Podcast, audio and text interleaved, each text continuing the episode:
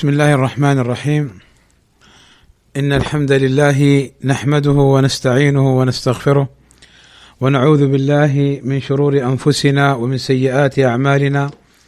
من يهده الله فلا مضل له ومن يضلل فلا هادي له. وأشهد أن لا إله إلا الله وحده لا شريك له وأشهد أن محمدا عبده ورسوله. ألا وإن أصدق الكلام كلام الله. وخير الهدى هدى محمد وشر الأمور محدثاتها وكل محدثة بدعة كل بدعة ضلالة وكل ضلالة في النار. أما بعد فقد مر معنا بالأمس ما يتعلق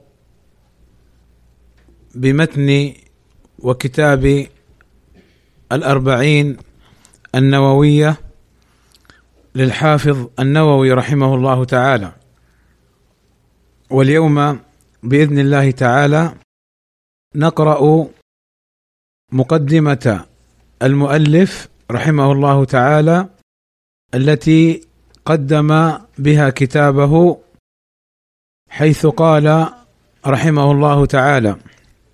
قال النووي رحمه الله تعالى الحمد لله رب العالمين قيوم السماوات والارضين مدبر الخلائق أجمعين باعث الرسل صلوات الله وسلامه عليهم إلى المكلفين لهدايتهم وبيان شرائع الدين بالدلائل القطعية وواضحات البراهين. أحمده على جميع نعمه وأسأله المزيد من فضله وكرمه. وأشهد أن لا إله إلا الله الواحد القهار الكريم الغفار وأشهد أن محمدا عبده ورسوله وحبيبه وخليله أفضل المخلوقين المكرم بالقرآن العزيز المعجزة المستمرة على تعاقب السنين وبالسنن المستنيرة للمسترشدين المخصوص بجوامع الكلم وسماحة الدين صلوات الله وسلامه عليه وعلى سائر النبيين وآل كل وسائر الصالحين. أما بعد فقد روينا عن علي بن أبي طالب وعبد الله بن مسعود ومعاذ بن جبل وأبي الدرداء وابن عمر وابن عباس وأنس بن مالك وأبي هريرة وأبي سعيد الخدري رضي الله عنهم من طرق كثيرات بروايات متنوعات أن رسول الله صلى الله عليه وسلم قال من حفظ على أمتي أربعين حديثا من أمر دينها بعثه الله تعالى يوم القيامة في زمرة الفقهاء والعلماء وفي رواية بعثه الله فقيها عالما. وفي رواية أبي الدرداء وكنت له يوم القيامة شافعا وشهيدا. وفي رواية ابن مسعود قيل له أدخل من أي أبواب الجنة شئت. وفي رواية ابن عمر كتب في زمرة العلماء وحشر في زمرة الشهداء. واتفق الحفاظ على أنه حديث ضعيف وإن كثرت طرقه. وقد صنف العلماء رضي الله عنهم في هذا الباب ما لا يحصى من المصنفات. فأول من علمته صنفه أي صنف في الأحاديث الأربعين عبد الله بن المبارك ثم محمد بن أسلم الطوسي العالم الرباني ثم الحسن بن سفيان النسوي وأبو بكر الآجري وأبو بكر محمد بن إبراهيم الأصبهاني والدار قطني والحاكم وأبو نعيم وأبو عبد الرحمن السلمي وأبو سعيد الماليني وأبو عثمان الصابوني وعبد الله بن محمد الأنصاري وأبو بكر البيهقي وخلائق لا يحصون من المتقدمين والمتأخرين. وقد استخرت الله تعالى في جمع أربعين حديثا اقتداء بهؤلاء الأئمة الأعلام وحفاظ الإسلام. وقد اتفق العلماء على العمل بالحديث الضعيف في فضائل الأعمال مع هذا فليس اعتمادي على هذا الحديث بل على قوله صلى الله عليه وسلم في الأحاديث الصحيحة ليبلغ الشاهد منكم الغائب. وقوله صلى الله عليه وسلم نظر الله امرأ سمع مقالتي فوعاها فأداها كما سمعها. انتهى. هذه مقدمة الحافظ النووي رحمه الله تعالى. وسأعلق على بعض الأمور فيها. ابتدأ المصنف رحمه الله تعالى بذكر هذه المقدمة الحمد لله رب العالمين إلى آخره وهذا لا مانع منه واستحب بعض أهل العلم أن يبتدئ من أراد أن يصنف في رسائله وكتبه وخطبه ونحو ذلك أن يبتدئ بخطبة الحاجة التي فيها أن النبي صلى الله عليه وسلم كان يقدم بين يدي حاجته إن الحمد لله نحمده ونستعينه ونستغفره إلى آخره. فهذه بلا شك أفضل في تقدمة مثل هذه الكتب والمؤلفات. وأما ما ذكره المصنف رحمه الله تعالى فلا مانع منه وإنما التنبيه على الأفضل والأكمل. ثم قوله رحمه الله تعالى في حديث من حفظ على أمتي أربعين حديثا وذكر الروايات وذكر أنه من روايات مجموعة من الصحابة ثم ذكر أنه حديث ضعيف. نعم هو حديث ضعيف بل شديد الضعف عند العلماء. بل هو شديد الضعف عند العلماء وإن كثرت طرقه لأن طرقه فيها الكذابين والوضاعين والمتهمين بالكذب ونحو ذلك. فهذا الحديث الذي تكثر طرقه من طرق الكذابين والمتهمين وأصحاب الروايات المنكرة لا تتقوى عند العلماء. فلذلك أجاد النووي رحمه الله تعالى حين بين أن الحفاظ قد اتفقوا على ضعف هذا الحديث وإن كثرت طرقه وإن كثرت طرقه. ثم بين رحمه الله تعالى أن العلماء صنفوا كتبا سموها بالأربعين جمعوا فيها أربعين حديثا. من ذلك عبد الله بن المبارك وكتابه قد طبع. وأيضا محمد بن أسلم الطوسي أيضا وكتابه قد طبع. وكذا النسوي وكذا الآجري قد طبعت كتبهم وكذا الماليني والسلمي والبيهقي فهؤلاء قد طبعت كتبهم الموسومة بالأربعين. وقد تتابع العلماء على جمع أربعين حديثا. النووي رحمه الله تعالى بين أنه إنما جمع الأربعين اقتداء بهؤلاء العلماء الذين جمعوا أربعين حديثا. لا أنه عمل بهذا الحديث الضعيف. لا أنه عمل بهذا الحديث الضعيف. ثم قال رحمه الله وقد اتفق العلماء على العمل بالحديث الضعيف في فضائل الأعمال، أقول كذا قال رحمه الله تعالى وإنما هناك خلاف بين العلماء. هل يعمل بالحديث الضعيف أم لا؟ وربما أراد اتفاق علماء مثلا الشافعية قد يقال مثل هذا. ولكن المهم أن العلماء لم يتفقوا. فهناك من ذهب إلى عدم العمل بالحديث الضعيف مطلقا فلا يذكر إلا مع بيان ضعفه ولا يعمل به. ومنهم من أطلق القول بالعمل بالحديث الضعيف. رجاء ما جاء فيه من ثواب وأجر. ومنهم من فصل واشترط بعض الشروط. فقال لا يعمل بالحديث الضعيف إلا بشروط وستأتي إن شاء الله. أما المذهب الأول وهو الذي يقول إنه لا يعمل بالحديث الضعيف فهذا قول جهابذة علماء الحديث كالبخاري وابن المبارك وغيرهما.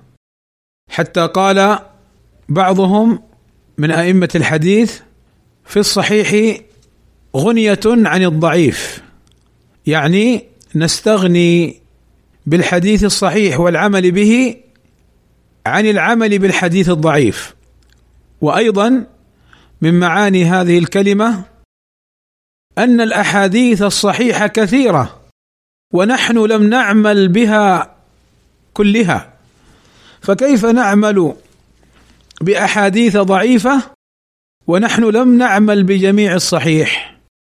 ولا شك أن هذا المذهب مذهب قوي وله حظ من النظر وهو أسلم لعموم قوله صلى الله عليه وسلم من قال علي ما لم أقل فليتبوأ مقعده من النار. ولعموم قوله صلى الله عليه وسلم من حدث عني بحديث يرى أنه كذب فهو أحد الكاذبين أو الكذابين. ومعنى هذا الحديث أن الذي يحدث عن النبي صلى الله عليه وسلم بحديث لا يدري هل هو صحيح قاله النبي صلى الله عليه وسلم أم ليس بصحيح فهو مشارك للإثم الذي وقع فيه من كذب هذا الحديث. وفي صحيح البخاري عن ابن الزبير قال له عن ابن الزبير أنه قال لأبيه يا أبتاه ما لي لا أراك تحدث مثل فلان وفلان. وقد جالست النبي صلى الله عليه وسلم. فقال يا بني أما إني لم أفارق النبي صلى الله عليه وسلم ولكني سمعت النبي صلى الله عليه وسلم من قال علي ما لم أقل فليتبوأ مقعده من النار فهذا الذي منعني من الإكثار أو كما جاء في صحيح البخاري.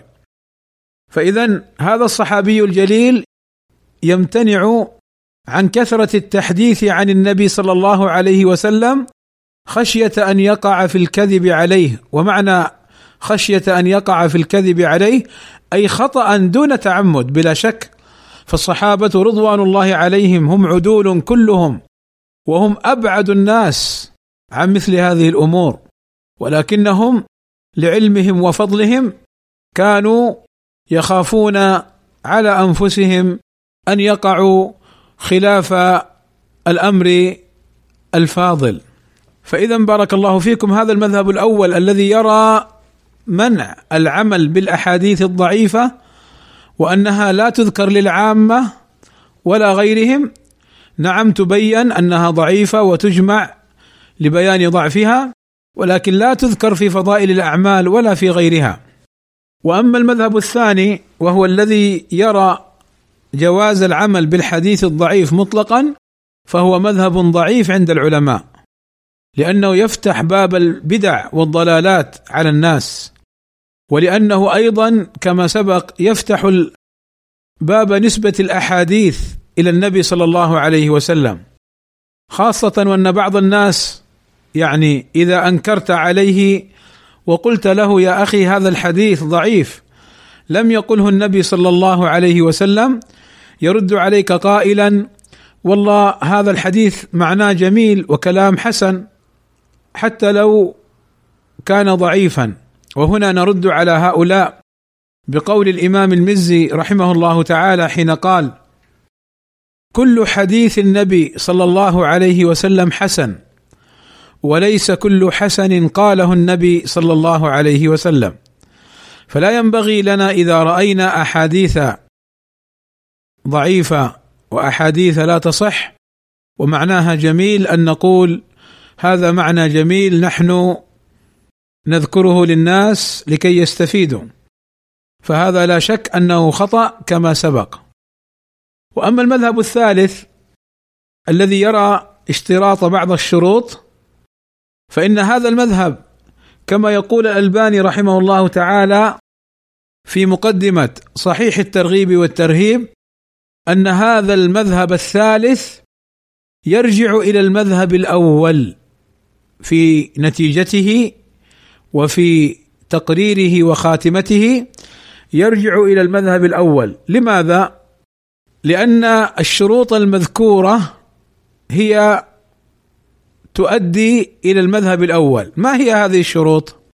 قالوا لا يعمل بالحديث الضعيف في فضائل الأعمال إلا بثلاثة شروط.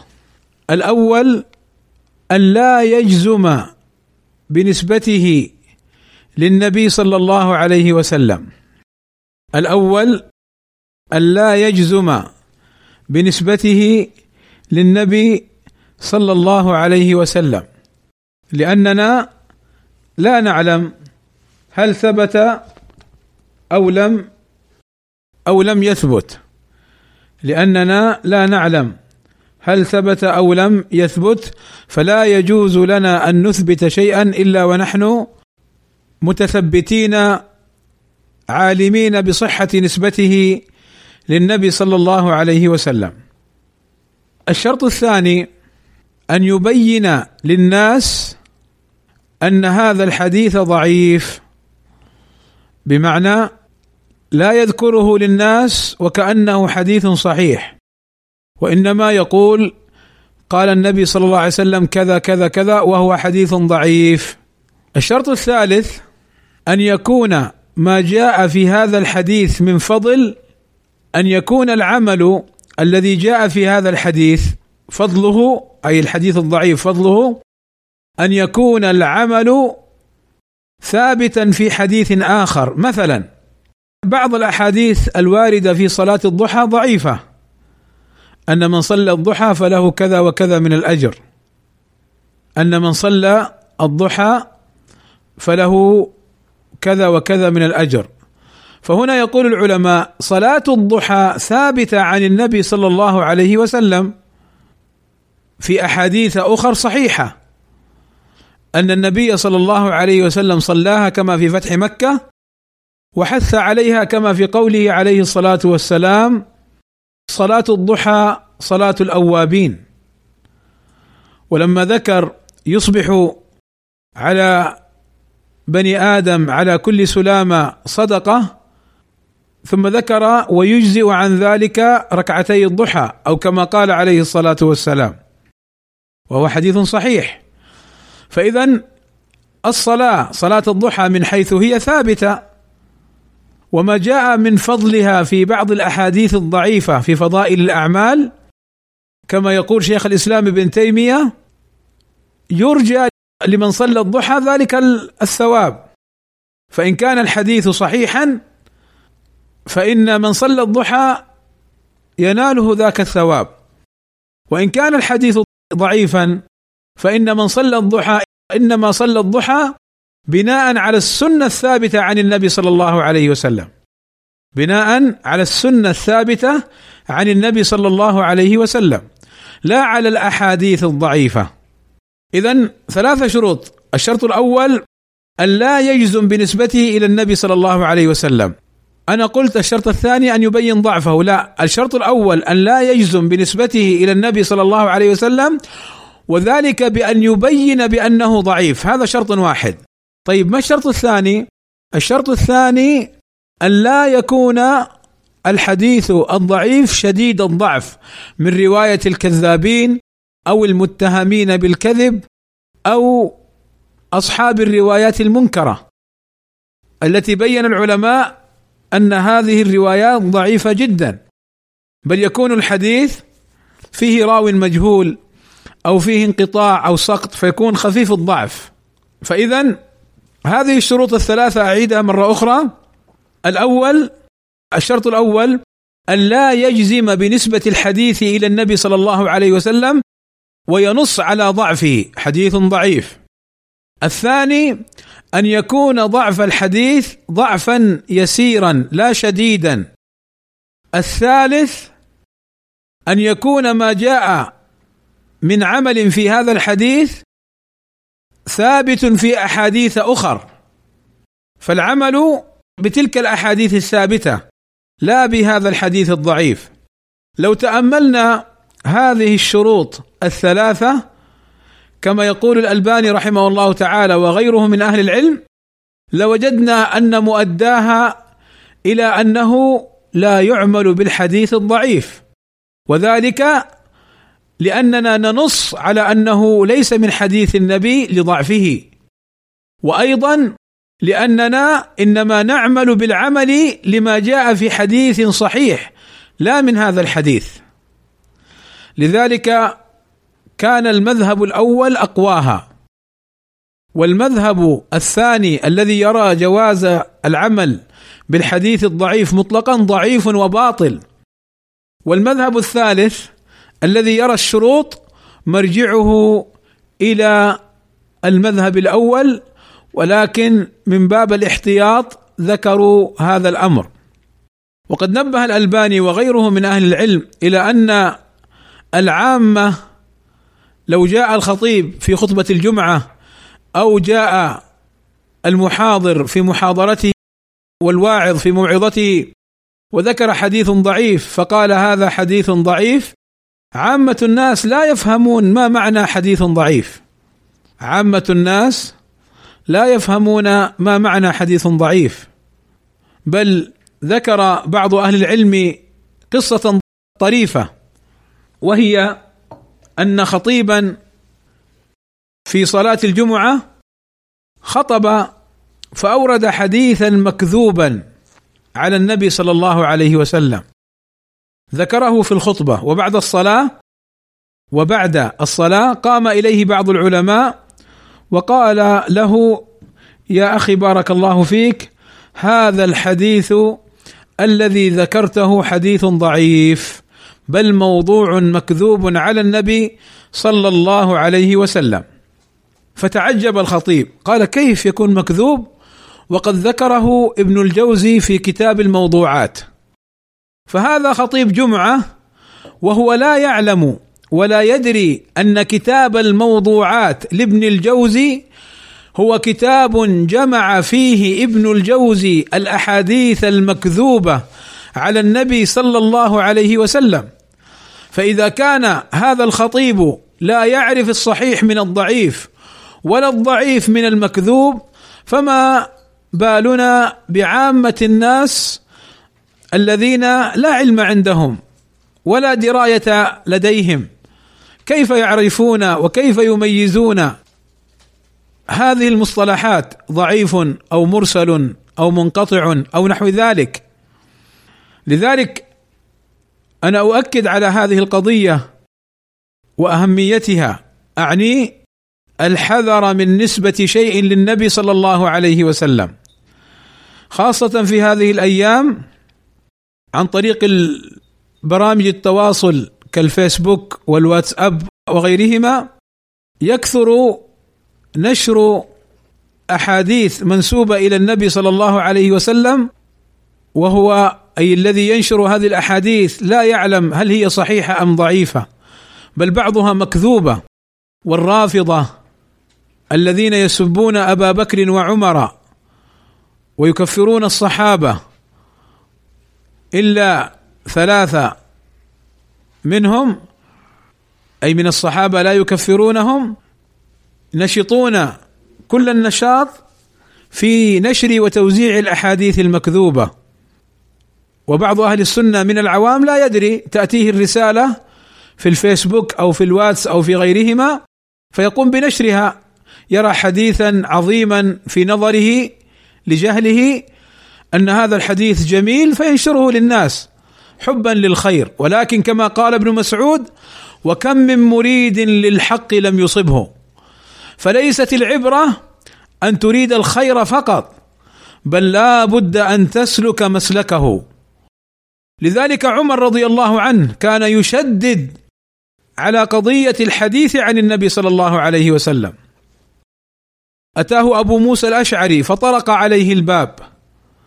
ثلاثا فلم يرد عمر رضي الله عنهم أجمعين فذهب أبو موسى الأشعري ففتح عمر الباب وقال له لم ذهبت؟ فقال له أبو موسى الأشعري لقول النبي صلى الله عليه وسلم الاستئذان ثلاث. فقال له عمر لتأتيني بشاهد يعني سمع النبي يقول هذا الحديث أو لأوجعن ظهرك. فذهب أبو موسى إلى المسجد ولقي جماعة من الصحابة ثم قال لهم من سمع النبي صلى الله عليه وسلم يقول الاستئذان ثلاث؟ فقالوا نحن ويقوم معك أبو سعيد الخدري أصغرنا. فقام معه أبو سعيد رضي الله عنهم أجمعين. فذهب إلى عمر وقال نعم سمعت من النبي صلى الله عليه وسلم هذا الحديث. جاء في بعض الروايات عن عمر أنه قال: أما إني سمعت النبي صلى الله عليه وسلم يقول ذلك ولكني أردت أن يتثبت الناس أو أن يعني لا يروى حديث عن النبي صلى الله عليه وسلم إلا بعلم. فهذا عمر رضي الله عنه يقول هذا الكلام ويفعل هذا الفعل حفاظا على السنة فماذا نقول نحن في هذه العصور المتأخرة؟ فبارك الله فيكم. الحذر الحذر من نشر حديث وأنت لا تعلم هل هو صحيح أم لا. ولعل قائلا يقول كيف أعرف صحة الحديث؟ فنقول جوابا على هذا ممكن أن تعرف صحة الحديث وكلامي هنا لعوام الناس لا لطلاب العلم. فطلاب العلم يعني يتعلمون كيف يصلون للحديث وإلى درجته. وأما عوام الناس فنقول لهم عن طريق سؤال العلماء. أن تتصل على عالم متخصص فتسأله عن صحة هذا الحديث. وهل ثبت أن النبي صلى الله عليه وسلم قاله أم لا؟ فإذا بين لك أنه حديث صحيح فلا مانع من نشره. وإذا بين لك أنه حديث ضعيف فإن كنت قد نشرته من قبل فاكتب في الحديث في أسفله سألت العالم الفلاني فقال هذا حديث ضعيف فانشره مبينا ضعفه. لعله يكفر ما سبق من نشرك للحديث الضعيف. هذه طريقه الطريقة الأخرى أن ترجع لأحكام الألباني رحمه الله تعالى. على الأحاديث إن كان هذا الحديث مما حكم عليه الألباني. فالألباني رحمه الله تعالى إمام هذا العصر في الحديث وفقه الحديث فإذا كان الحديث مما بين الألباني حكمه ودرجته فتستفيد من حكمه إن كان صحيحا تنشره وإن كان ضعيفا تحذر منه بارك الله فيك. ثم قول النووي رحمه الله تعالى أن العلماء جوزوا العمل بالحديث الضعيف في فضائل الأعمال.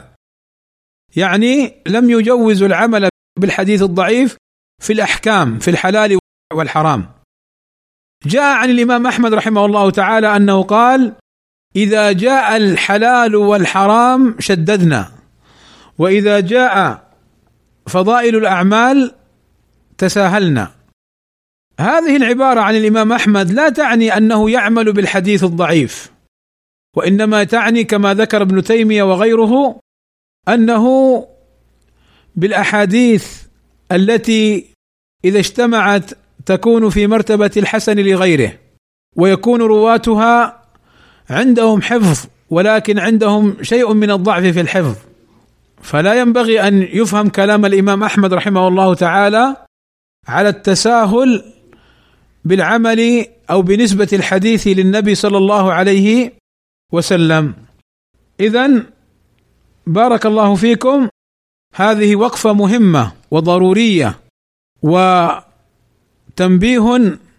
مهم أو عظيم عند العلماء أو نبه عليه العلماء في هذا الباب. أعني باب رواية الأحاديث الضعيفة ونسبتها للنبي صلى الله عليه وسلم.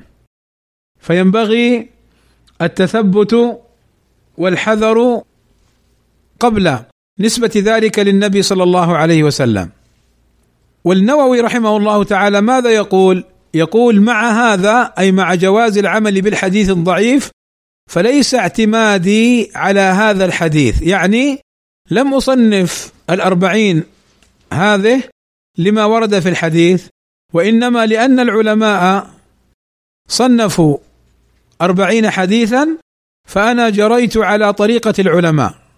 وأيضا وهذا مهم يقول بل على قوله صلى الله عليه وسلم في الأحاديث الصحيحة ليبلغ الشاهد منكم الغائب. وقوله نظر الله امرأ سمع مقالتي فوعاها فأداها كما سمعها. فالنووي بين أن اعتماده على الحديث الصحيح. هذا الحديث ما معناه؟ قوله صلى الله عليه وسلم ليبلغ ليبلغ الشاهد منكم الغائب معناه أنقلوا عني أحاديثي وأروها للناس. وكذا قوله نظر الله دعاء لمن نقل السنن الثابتة الصحيحة عن النبي صلى الله عليه وسلم أن ينظر الله أن ينظر الله من نقلها. ومعنى النظرة كما قال العلماء الحسن والبهاء. ولذلك ذكر علماء الحديث أن المشتغلين بعلم الحديث المخلصين في عملهم المتبعين للسنة تجد في وجوههم أو على وجوههم بهاء وحسن ونور. وذلك لأن النبي صلى الله عليه وسلم دعا لهم بالنظرة وهي الحسن والبهاء. قال سمع مقالتي فوعاها أي حفظها فأداها كما سمعها يعني لم يزد فيها ولم يحرف معناها ولم يأتي بشيء لم أقله ولم يأتي بشيء لم أقله. فدعا له النبي صلى الله عليه وسلم بالنضره والحسن والبهاء. اذا نكمل كلام النووي. قال رحمه الله تعالى ثم من العلماء من جمع الأربعين في أصول الدين وبعضهم في الفروع وبعضهم في الجهاد وبعضهم في الزهد وبعضهم في الآداب وبعضهم في الخطب وكلها مقاصد صالحة رضي الله عن قاصديها. يعني هذه المؤلفات التي هي بعنوان الأربعين بعضها في أصول الدين وبعضها في الفروع أصول الدين في العقائد وبعضها في الفروع يعني في مسائل فقهية وبعضها في الجهاد وهكذا وبعضها في الزهد. وقوله رضي الله عن قاصديها يعني رضي الله هنا بمعنى الدعاء لهم بالرضا. الدعاء لهم أن يحصل لهم رضا الله عز وجل. قال النووي وقد رأيت جمع أربعين أهم من هذا كله وهي أربعون حديثا مشتملة على جميع ذلك وكل حديث منها قاعدة عظيمة من قواعد الدين. أقول وقد رأيت جمع أربعين أهم من هذا كله سبق أن أنه ذكر أربعين في أصول الدين أي في العقائد. فلا شك أن باب العقائد آكد من غيره عند العلماء. وأيضا لعله قصد أن هذا الجمع الذي جمعه هو من المهمات. ثم قال وقد وصف العلماء كل حديث منها بأن مدار الإسلام عليه أو هو نصف الإسلام أو ثلثه أو نحو ذلك.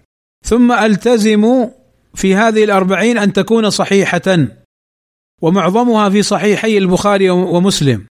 وأذكرها محذوفة الأسانيد ليسهل حفظها ويعم الانتفاع بها إن شاء الله تعالى. نعم هذه الأحاديث الأربعين أغلبها صحيحة ولكن نبه الحافظ ابن رجب وغيره من العلماء على ضعف بعض الأحاديث فيها كما سيأتينا إن شاء الله في موطنه.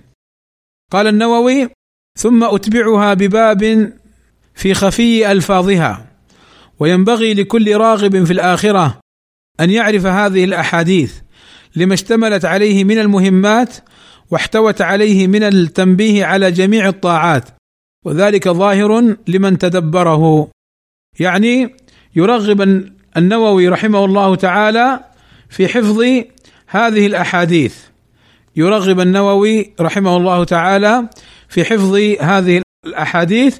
وقد مر معنا بالأمس أننا بإذن الله تعالى نطلب من طلاب المعهد وطالباته أن يشتغلوا بحفظ هذه الأربعين. قال النووي وعلى الله اعتمادي وإليه تفويضي واستنادي وله الحمد والنعمة وبه التوفيق والعصمة. انتهت مقدمته رحمه الله تعالى وهي مقدمة نافعة ونكتفي بهذا القدر مما يتعلق بدرس الأربعين النووية صلى الله وسلم على نبينا محمد وعلى آله وصحبه أجمعين.